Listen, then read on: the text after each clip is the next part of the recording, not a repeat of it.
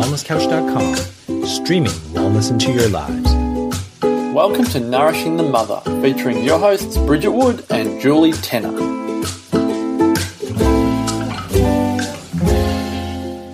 Hello and welcome to Nourishing the Mother. I'm Bridget Wood. And I'm Julie Tenner. And today's podcast is Tears and Tantrums at or during a lesson or activity, which sounds like a very dry topic for us.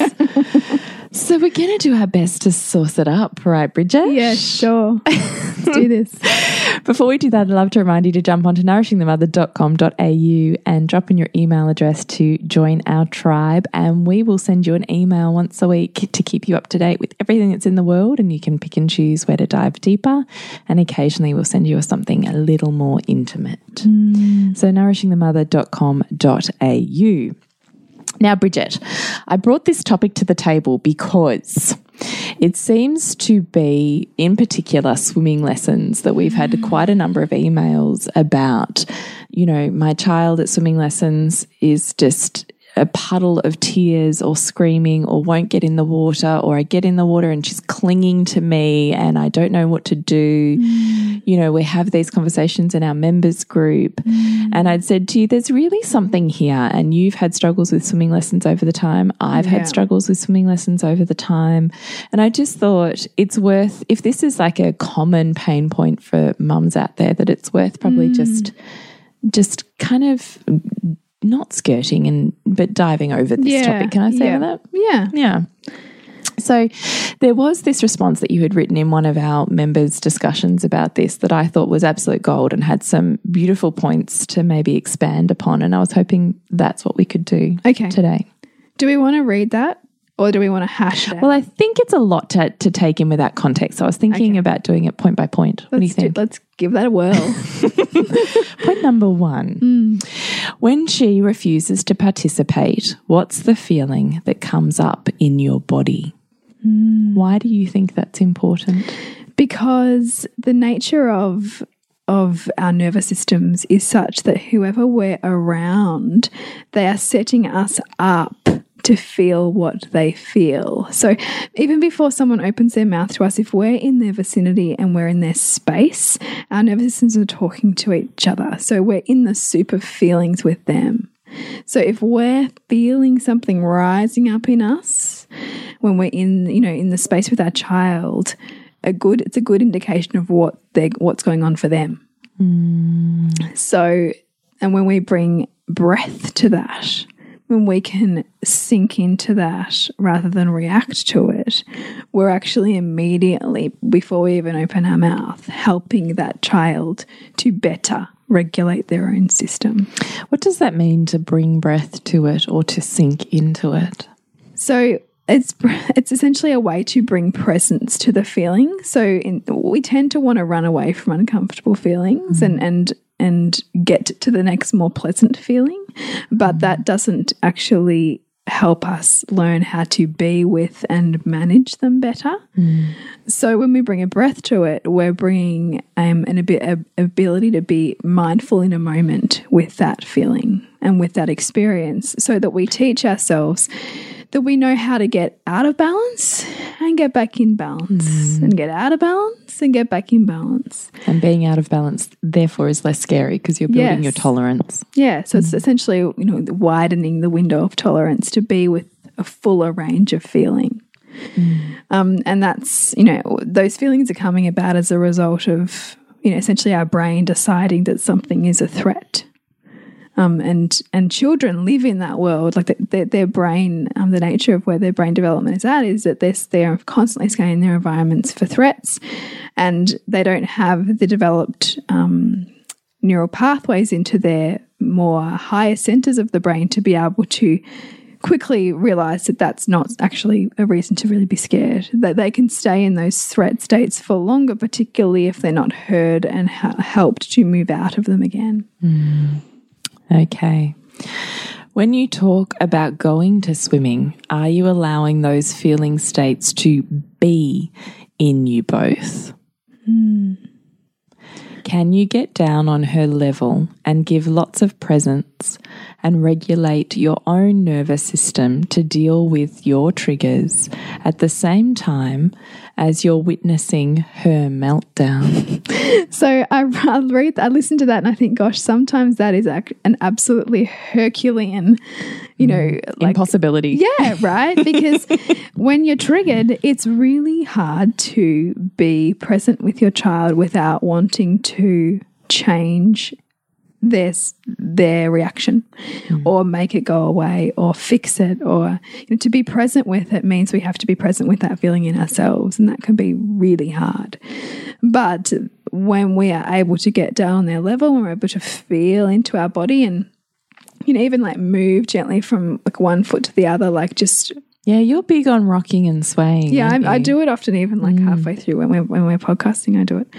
Um you know and we can actually like um one of the really powerful ways is to kind of almost give yourself sort of like a hug but you like clamp down on each of your arms. Like so you start from your shoulder and just like give your Almost like horsey squeeze. kind, of, yeah, and intentionally do that down each of your own arms because it's a really cathartic kind of way to move feeling and get in your body so they're the kind of practices that i would talk about in terms of like regulating your own nervous system and then you're able to and as you come back into more of a um, centered state you're actually helping your child too because they're you know they're, they're, they're learning from you they're mirroring you um, what was next I have lost my spot. Let me catch up. Oh, yes, here. So she's looking to you as you are her external regulator. To figure out the template of how to experience every feeling state. So, this is a really beautiful concept that I love when you really expand and talk about being that you are the regulator. Mm. And it can be really hard because it's kind of the next step beyond mirror, really, isn't it? It's just another evolution of mirror of really thinking about mm. this. So, do you mm. want to just? Mm. I even loved the analogy you'd said to me, you know, well, it's like, you know, when you're terrified, like you're about to bungee jump or something, and you cling on to the person in a way, energetically or otherwise, who's more courageous, who's Yeah. showing less fear. Mm-hmm. And you almost try and cling on to them, and your nervous system clings on to them to try and regulate or match that. Mm-hmm. And mm-hmm. that's what kids are doing. And I thought that's Yeah. a genius way of explaining it. Because you're um, because you're borrowing, like whether you're conscious of it or not, you're borrowing like the nervous system of the person who seems more together in that mm. moment. And so, you know, our children spend most of their if they're spending most of their time with us, they, you know, they rely on us to become you know their external regulator which is requiring us therefore to be willing to feel what's happening in our own body without wanting to avoid or become consumed by that experience and, you know, but this is the thing, like that is so damn hard sometimes. And so it's not about being perfect either, but just recognizing that because we're generally going to be a little bit more regulated than our child simply because of, you know, Years. years and the, the amounts of experiences that we've been able to integrate, we're generally going to be more regulated. Mm. So they will borrow that and that's what they will use. And I have to tell you, this has even helped me in moments of being triggered and when I'm like, oh, and thinking, you have an opportunity here. Set the mm. tone. Mm. You know, like it's another form of, of self talk that I find myself doing. Yeah. Set the tone. Be the anchor. Like we talk about being mm. the be the anchor, anchor. in the storm. Mm-hmm. But unless you're able to anchor yourself, you are no anchor. No. You're not anchoring anything. So I find this a really useful analogy just to be literally pull that anchor down into that sand mm. and set that vibrational tone mm. and let them wail and come into you. Mm. You know? Yeah. I love I, I was thinking a lot about that that anchor how much can you anchor and and again like I mean, we can't in every moment and nor should we but but it's about recognizing that this is the role we're being um, given whether we like it or not And it's an opportunity every time. It's Yeah. an opportunity. And can you stretch it a second longer than what you did yesterday? absolutely You know? and and I think that you know our children aren't expecting us to be Perfect, you know, whatever that is. you know exactly. But but it's the it's the it's the little bits that stack up that that you know where we're able to show oh this is what you do when you're angry. It's like tonight like sylvie is into throwing stuff off the bench which is really not fun.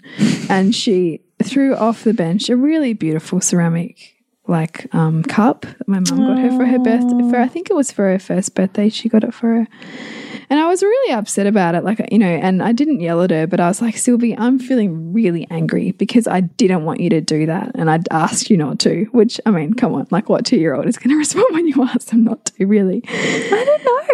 I mean, you and I hash I this out all the did. time. We go backwards and forwards on this. But it was almost like, but it was almost like because she was reacting to my don't, because I was kind of, I could see her like swishing it around the bench, and I'm like, don't drop it, don't drop it, and she's like, whoop, straight off. And so then, you know, I was, you know, talking to her about how I was feeling, and I was, I was sweeping it up and putting it away, and he goes like, Mom, like let's set up these cushions, and you can punch out your anger. So I was like, oh, you know, like he does see, he does listen. And I was like, yes, thank you. I need to, because even though it's not her fault, I'm still feeling really angry and I need to move this anger. Because That's I so was, I was feeling really frustrated about it. And, but, and frustrated myself because I, you know, I'd seen her, I'd seen her do this, this stuff before. And, uh, you know, I was, not giving her the plastic cup because I was like, oh no, she'll be right. And she wasn't right with it. But I digress. That's not the point. The point was that, you know, even though there's heaps of times where I lose my shit, there's enough times where he has seen, oh, when we get angry, we can do things like set up the pillows to hmm. punch out, punch out, hmm. you know, punch, or we can have a hmm. wrestle. Like he has a, he has a. It's know, what you do the majority of the time that sticks. It's not the occasional stuff. It's the old 70 30, 80 Totally. 20, you know. Yeah. I totally believe that. And you're a big believer in the less words, the better. Mm. That a, a child's regulation will happen through their body. Mm. So move with them rather than speak with them. Yes. Can you expand that a Yeah, so I, I and I'd probably say that for myself as much as anything because I would naturally go to words like you know, and usually when I'm angry, words that are quite terse and like you know needing to make a point. but actually, what I'm really needing to do in those moments because you know that's the left brain, that the left brain who wants to, you know, very adult like kind of sort this shit out. But actually, the child is is in the in the right brain largely. They are in that movement. They are in that they're sensing beings. And so, what is better for me to do is to breathe, to find my way back into my body, the, and then think about a couple of words to say. But actually, it's about me instead checking in with my body and going. Oh, I'm feeling really frustrated right now. I wonder if you're feeling frustrated because I'm telling you that I want you to go to swimming and you don't want to go. I'm really hearing that you don't want to go to swimming and you don't like it that I'm asking you to go. Hmm. That is what I would be doing, would be taking the moment to be in my body and feel the feelings that I've got coming up that I'm thinking uh, is what's going on in the child and then giving them giving them the voice to those feelings that they've got going on because often even just doing that it. often yeah exactly naming it shaming it often just doing that is the is giving them the language that they're not able to get for what's going on. But we start first in the body not about like the, the the step after that which is which might be i hear that but we actually need to go because of xyz you know Yeah, I do. So when you're saying move with your child, you're saying emotionally more move with your child or follow their or even their paraphrasing versus um, physically moving. Is that what you mean? I think I think you could even like sometimes you could even if it was big feelings, you could even just like gently sway from side to side or like rub your legs like to talk about how big the feelings are in the body. Mm. Because often like the bigger the feelings are, I mean you see it with boys. Like I notice with my son, like he, he is like jumping around the room sometimes when he's trying to regulate. And like and this is the thing, we mm. don't need to give them the tools to regulate. They're doing it. They know how to do it. Mm. But often we need to unlearn whatever shit that we've internalized about how children should behave because that's bullshit. Like th this idea that children should be sitting still or should be eh, conf confining themselves to a way that adults think that they should behave in a moment is actually disconnecting them from their natural regulatory capacity because they are always able to access that if we let them. And I, I mean, I've been paying a lot of attention to this lately because my son doesn't like to sit at dinner table often. And when I'm asking him to come back, he's often moving from cushion to cushion or jumping around. And I'll want to like make that bad or wrong. But I actually mm. know that that's innately wise for him to be doing that because that he is bringing his system back into a level of presence that he is unable to get to if I'm asking him to sit still and stay still because mm. that's not a natural thing for a mm. child, particularly I think a boy who is naturally even more so needing to move. Um, I think when we can pay attention to what our children's natural way to regulate is, we can see a lot of wisdom that we can't even begin to impart because they've got it. And like we've all got it, but but depending on whatever we were cultured with, we've we've made it quieter and quieter and quieter and quieter. So, my question here is what do you perceive as the line between movement for regulation and movement for distraction? Well, I think I think you got to look at what is is a distraction because of what? Like what are you labeling it distraction because they don't want to face something or because they don't want to have a mm. conversation or? As a way of avoidance, so they can't be still. I don't even think that they have the cognitive capacity, particularly under six or eight, to have any way of discerning, like needing to be still because you we want them to be still for something. Like I, I don't mm. I don't know that that that is realistic because naturally when they're in when they're regulated when they're present with a task that is deeply meaningful for them they'll find stillness but they're not going to find stillness if it's something that we want for them when mm. we're projecting onto them that they should be still like at dinner. You know what i mean? Like if, if he's mm. not if he's not hungry not interested in the food at the moment because he's got his value is playing lego or his value is like building a fort or his value is something that's not being there on the table in that moment. Hmm. And i'm asking him to come into stillness. That's my projection onto him of how he should be, which is not actually where he wants to be in that moment in his body. And so hmm. his body will be doing what it needs to to get him to deal with the potentially the fight or flight feelings that are coming up as a result of me getting angry because I want him to do something that's in my values and not in his. Hmm. So I've just been paying attention to that because I, I know I've got like emotional charges around dinner table and how kids should be at the dinner table. So he is plugging into that and playing that out for me at the same time as I'm looking at, well, how is he dealing with this? And how am I dealing with myself when he's doing that? Like in it, it's it's that dance. And mm. and I guess the more I look at at children and how they they naturally need to move, how much of our cultural expectations on them therefore are going to make them need to move even more in order to deal with that you know like to deal with what we're asking that is is yes okay might be a value of ours but still needs to be ultimately a negotiation so that everybody's values get met not that i say that this mm. has to happen you know mm. No, I really get what you're saying. I, look, I really do. I'm really wanting to kind of, you know, stretch into this a bit. I still get a little bit sticky on that point because I know, particularly with my son, that movement is an excellent way to avoid icky feelings. Mm.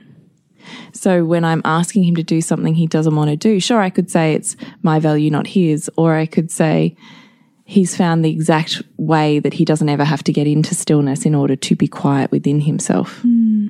in order to face those yucky feelings that are probably stored up from somewhere else in his day. Hmm. But when I anchor him, can you make eye contact with me? I want you to stay still with me right now. I want you to be in your body. Come into your body right now. And what are you feeling?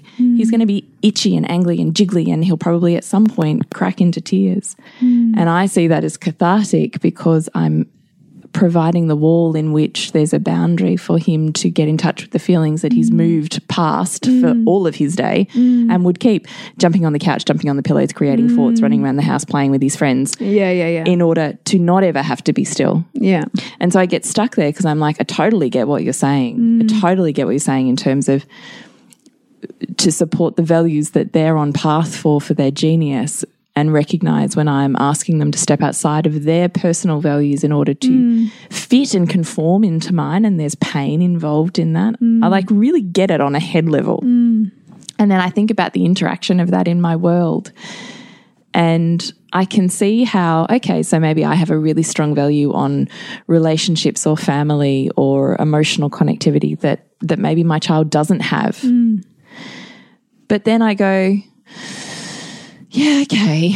But if I just left them to be, they wouldn't learn that either. Mm, mm. You know? Yeah, no, I totally get it. And I still have not got a hard and fast answer for it because I'm still figuring it out. Like, and there's times, you know, where I'm like, oh, like I still feel challenged by that that movement, but I haven't found the way or ways to get him to come into presence. Mm. You know, and sometimes finding the movement and then having the conversation, I'll then get the presence after that. But it will be less from the I need you to look at me kind of conversation to mm. us sitting next to each other on the couch and him kind of splayed out next to me laying down going, Oh, I'm worried about that and I don't like that and like that happened tonight. Like this mm. whole cascade of things that had clearly been on his mind all day were just verbally di coming out like diarrhea.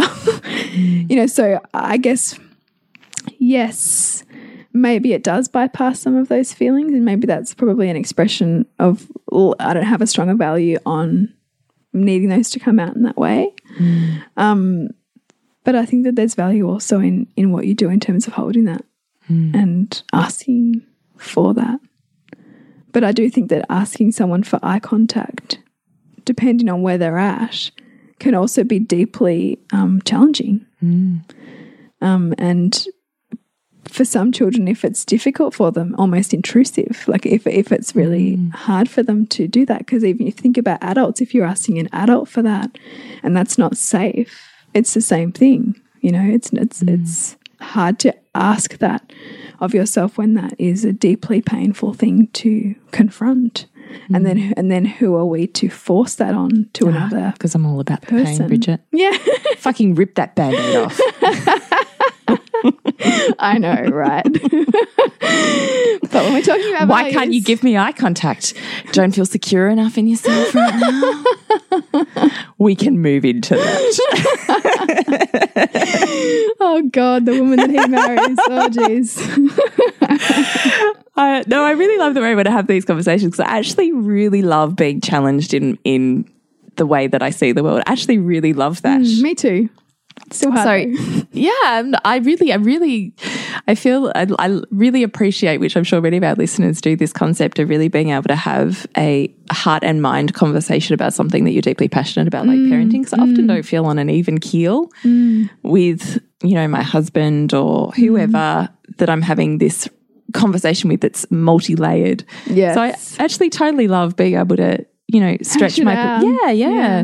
and stretch my perceptions and think about how that that plays out in my world and you know and try I think I'm a big fan of also trying stuff on occasionally Totally. you know try a little left try a little right try that skivvy on not sure okay you know I think that there's there's a bit of that in working out uh, who your authentic mother is Yeah. you know Yeah.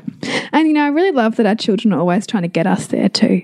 Mm. You know, that that's what that's what they want most from us. And I, I often wonder if taking us to our edges of anger is also deeply serving that. Because there's often nowhere where you're more authentic is when you're laying down boundaries. Mm. You know, for yourself or for some for someone else that you love in your family Mm. and how that actually really serves our children to go, oh, that's what I was looking for. Mm. Now I can see you. Thanks for that, mum. You know, mm. because we can, especially if you've got a high value on it and you're always going, oh, is that the right way? Or didn't like how I did that. Or you're really trying to create this ideal of how you want a mother. That, All that shit burns to pieces when you're super like, present and authentic mm. and angry or you know or whatever it is whatever it is but often anger is the one of the most profound ones that gets us authentic pretty damn quickly and we know when people are intimate with us and and really present or not mm. yeah exactly mm. yeah Okay, we've digressed. Let's We come have. back. Let's come back. Um, and then when she's receptive afterwards, you can talk about the swimming lessons themselves. Ultimately, though, it's a projection of your values onto her, which is actually great. This is an excellent segue from our last conversation. She is designed to resist what she doesn't want to do. When she's present, you can look at a problem solving or look at problem solving. Is there anything you think we could do together to make the lessons more fun? Would you like it if we got there earlier and had a swim together before your class, etc., etc.? Mm, so mm. you're trying to meld the values. Yeah, and I mean, I think about this in the relation to this idea of what we talk about in terms of where children's brain development's at. So if we think about their limbic system, so they, they start off, you know, the, reptilian brain is fully wired at birth, and the, then the the centers of the brain slowly go up. So, you know, by three, the limbic's on, and that's the perception of threats. So, children live in this world of perceiving threats, and those threats can be physical safety. So, this perception of them being harmed. It can be um, the threat of the unknown. So, like what I don't know. So, that's why we talk about things like rhythm and routine kids actually thrive on because the threat of the unknown can be a real source of fear for children. Um, incongruence in the environment is another one of the big four fears of the brain. So it's this, um, you know, you're saying one thing, but I'm feeling another, or I can sense that you're saying that we're going to do this, but actually I know that you're going to do something else. Any any sense of incongruence where it doesn't make sense, children can have a fear of, um, and the shoulds and unmet expectations. So you should do this, or I was expecting something and I didn't get that. So that's another one of the big threats. So if you think about us asking our children to go swimming, you're pretty much taking every one of those four threats essentially. So if they're feeling like they could drown or they don't feel safe in water, tick, their physical safety is feeling under threat. Mm. If there's a fear of the unknown, so they don't know who the teacher is going to be that day, they don't know if they're going to feel comfortable in their bathers, they don't know how long the class is going to go for, they don't know if you're going to be paying attention. Like any one of those things, that's tick, fear of the unknown. Incongruence in the environment, maybe they don't trust the teacher, maybe they feel like the teacher is pushing them into something that they don't feel safe with. Mm. Tick. And then shoulds and unmet expectations. I feel like my mum is telling me I should do this, but I don't want it. Tick. So you can see why swimming lessons can be mm. deeply triggering for children. So what we can do if it's still really important to us is to bring more empowerment into it for the child. So that is looking at ways to play through it. So so whatever kind of attachment play you could look at for swimming, but also giving them as much choice as possible. So this idea of, you know, how could we make them more fun? Like maybe they could have some special bathers that they just wear for those those lessons that are only for their lessons that they get to pick. That's just their choice, and or they have a special floaty or, or whatever it can be where they feel a sense of empowerment in it. Um, it could be you know maybe a sibling gets looked after and it's just you know you and them time and before or after it you have a play in the pool or after it you go for a you know, chini together, like a baby chino together, or there's something of a ritual around it that helps them feel held in that environment. Whatever it is that you can bring a sense of safety that can meet those, you know, as much as possible, those four threats are ways in which you're, you're going to find more willingness in your child to do it. Um, but I mean, ultimately, if they really don't want to do it, um, we have to ask ourselves is our intense desire for this to be what they need to do worth it enough to potentially um, create trauma, you know, f- for the child? Because some kids have massive fears around water, um, and and we want to make that water safe for them, but I don't think it needs to be at the point at which it's forcing them to do something that they don't want to do. Mm. So I think it's a real conscious questioning around how you can meet all of those challenges that they're perceiving, um, and then really questioning where your own fears are. So if they were to stop swimming lessons, what would your fear be? Because mm. usually what we're desiring most is a result of some kind of fear that we have. Mm. And so how can we also address that? I was about to say that actually, because I also think often, I mean, particularly if our identity is wrapped up in our motherhood, our success or failure at that can feel like it's life threatening to us. Yeah.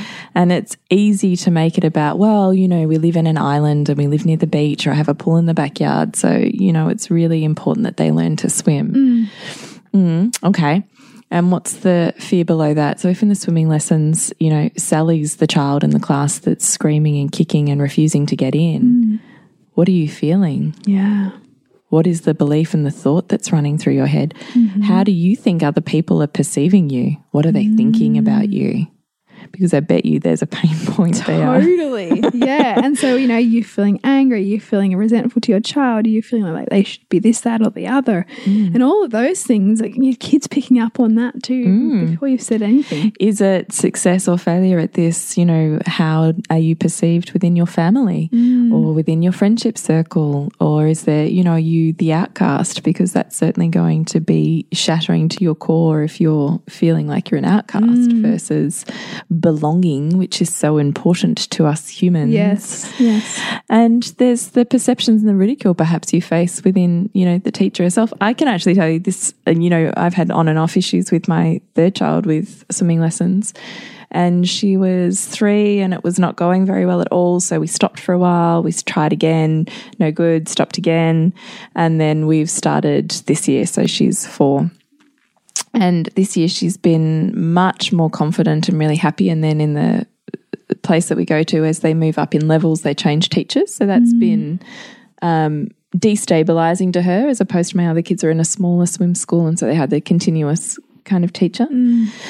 And so we're kind of facing new layers. Anyway, um, we've kind of moved through, you know, lots of tears and tantrums, and it's my leg hurts and I don't want to. And, you know, I've got a headache, and she's trying to pull all the tricks in the book beforehand that she knows I'd normally respond to because, you know, physical health is a top value of Yeah, mine. yeah. Yeah. Fairly sure a four year old has worked that out. yes. so the way to get mum on side is to to be Appeal to injured. that, yeah. Mm. But you know, I do now recognize that. You know, because I was a bit like, oh, is it? I don't know. You know, now I mm. realize it was this genius way of bringing my empathy, connection, and sympathy, mm. and sometimes a genius way of her not having to face the thing that she was really scared of. Mm. And I'm a really big believer in, you know, feel the fear, resource yourself, and then smash that shit out and realize you're bigger than your fears. You know, that, that thing that you're scary of, what's the worst case scenario and how can we brace around that and then do it? Be in this world. Don't hold back because you're too scared and mm. never know what you're made of and what's possible. Like, mm. how? Anyway. So we, you know, we were getting swimming lessons really early so that we could have a swim and a play in the pool beforehand. And that was going really well. And then I would drop her off with her teacher and I would say goodbye and I would leave her with confidence. The feeling in my body, if we're talking about setting a tone, Yeah, beautiful. was confidence. I know that you are safe. I know that you will be fine. Mm. And right now, what you need from me is to feel the belief that I have mm. that you will be fine. Yeah. And she looked at me and I could feel that edge. You know, when you're saying that precipice, if I could melt into this and, you know, could all go horribly wrong, or I could go, You're good, mate. Mm. And so I took a breath and I smiled and I said, You are going to be great. Mm. And I walked away. And she was great. And then recently, we went backwards again because they started doing a new style, you know, backwards backstroke and whatever on a kick in. She started to freak out about going under the water. And so we were having lessons again with loads of tears and tantrums.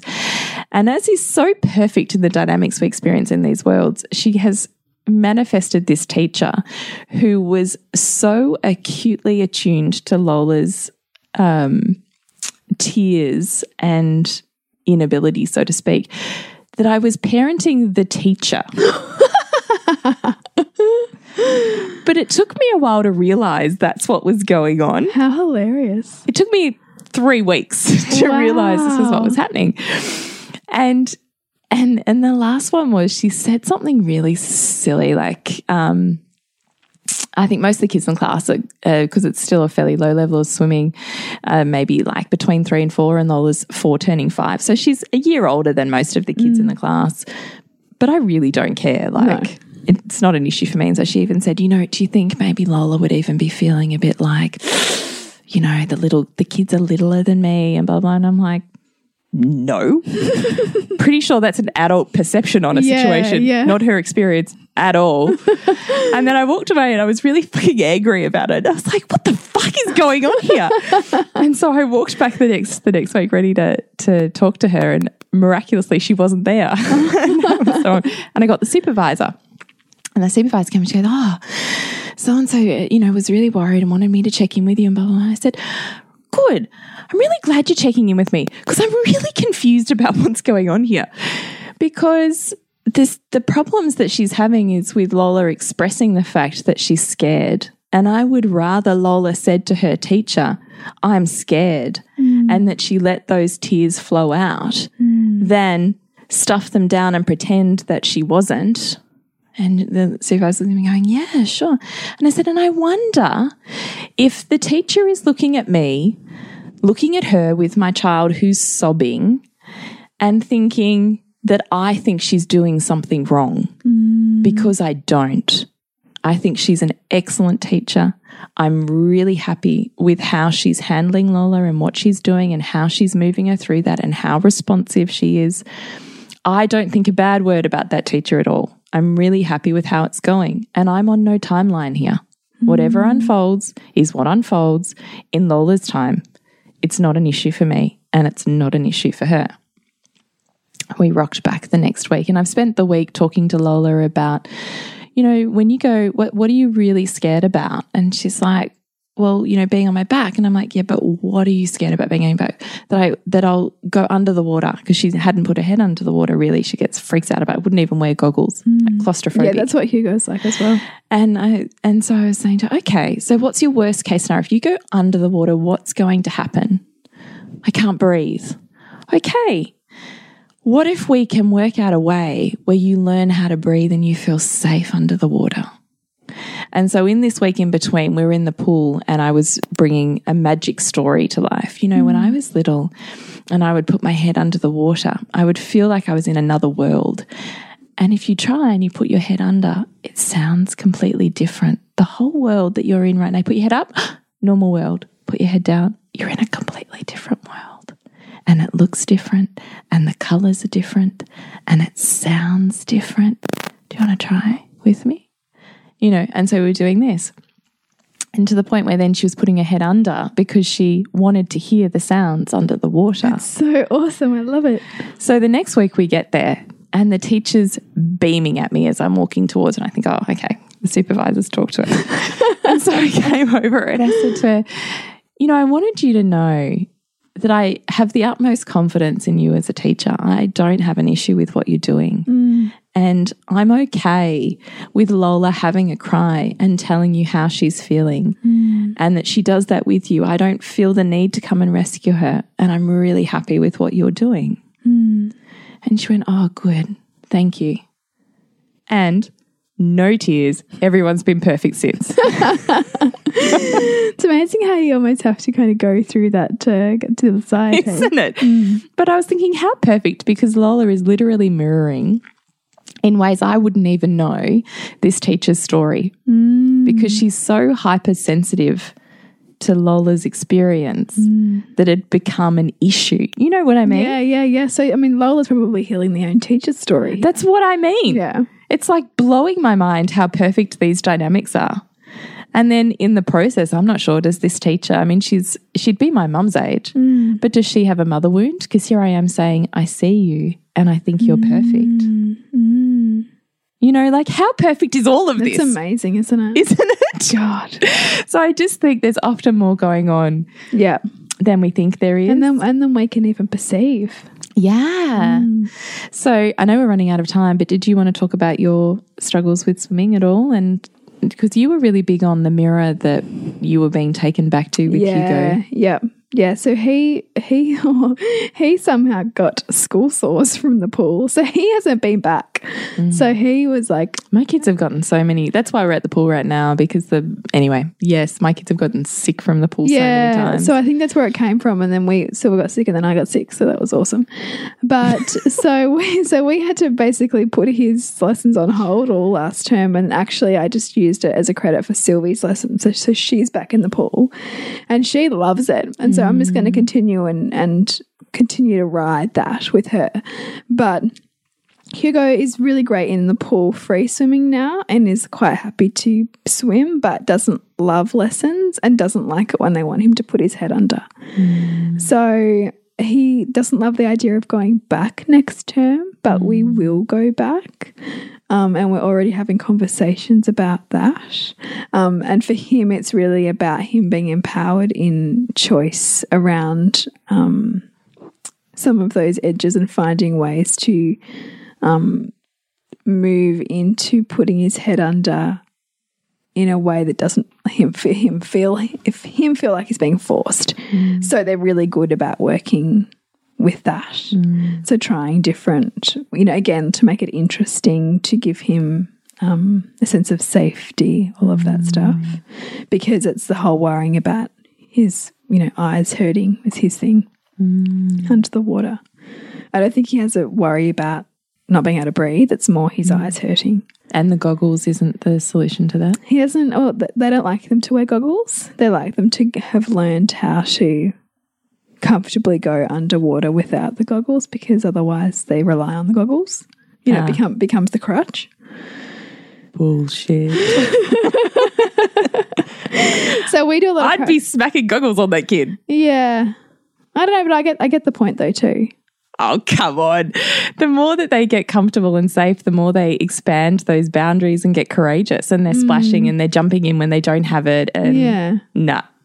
We're, do, we're doing a lot of stuff in the bath at the moment anyway. So we're doing lots of like, see how far you can go under in the bath and like, you know, like, like getting, mm. getting him comfortable with water.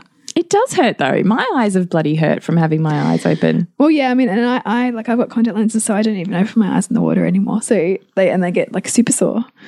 But, you know, I don't know. I think it's he's still got to get used to it. Got to get used to at least the basics of having his head wet, his eyes wet, his face Yeah. wet. But if goggles are the bridge to that, who the fuck cares? All right, we'll have goggles as a backup. I just think that's one of the things you don't have to worry about. yeah, If that's going to get him in a safe enough zone that he's willing to focus on the work, not on the mm. not on, On- not on managing the, anxiety, Yeah, yeah, then I don't think it matters. yeah, And let's even say your worst case scenario happened and then they rely on their goggles for swimming. So what does that mean when he doesn't have goggles and he goes swimming that he keeps his head above the water? yeah. It's not, not a big deal. Who mm. cares? Mm. That won't happen though, by the way. Yeah, yeah, yeah. Fair call. Or, know, I've had friends who have completely rebutted the whole, you know, chlorine swimming pool thing and they do the Vic Swim program in summer at the beach every year. Oh, I didn't even know about that. Mm, yeah, they do an intensive.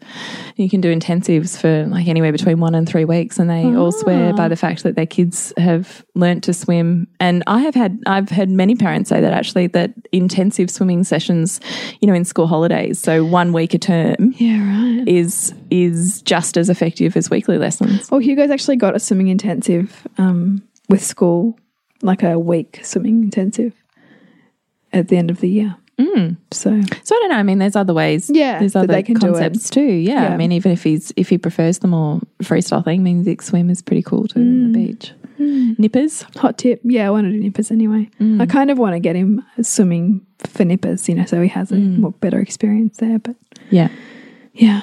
Anyway, we've digressed. we've totally digressed. As we do. We hope you've gotten something out of this. Yes, we do. We'd love to remind you Align Parenting is coming up in September. So if you're really ready to expand your parenting toolkit, then please check it out at nourishingthemother.com.au forward slash online programs. And thank you so much for listening to our stories and for sharing your stories with us via socials or email. We really do enjoy reading them. And you can find us on Nourishing the Mother on Instagram, Facebook, and Pinterest now. and to connect with you, Jules. Yes. Oh, yes. I don't think we did that last we week. We didn't do it last week. Thepleasurenutritionist.com in Newbridge. Suburbansandcastles.com. And don't forget to nourish the woman to rock the family. And we'll see you next week when, whoa, when we continue to peel back the layers on your mothering journey. This has been a production of TheWellnessCouch.com. Check us out on Facebook and join in the conversation on Facebook.com forward slash The Wellness Couch. Subscribe to each show on iTunes and check us out on Twitter. The Wellness Couch, streaming wellness into your lives. Whilst the Wellness Couch presenter endeavor to provide accurate and helpful information to their listeners, these podcasts cannot take into account individual circumstances and are not intended to be a substitute for health and medical advice from a qualified health professional. You should always seek the advice of a qualified health professional before acting on any of the information provided by any of the Wellness Couch podcasts.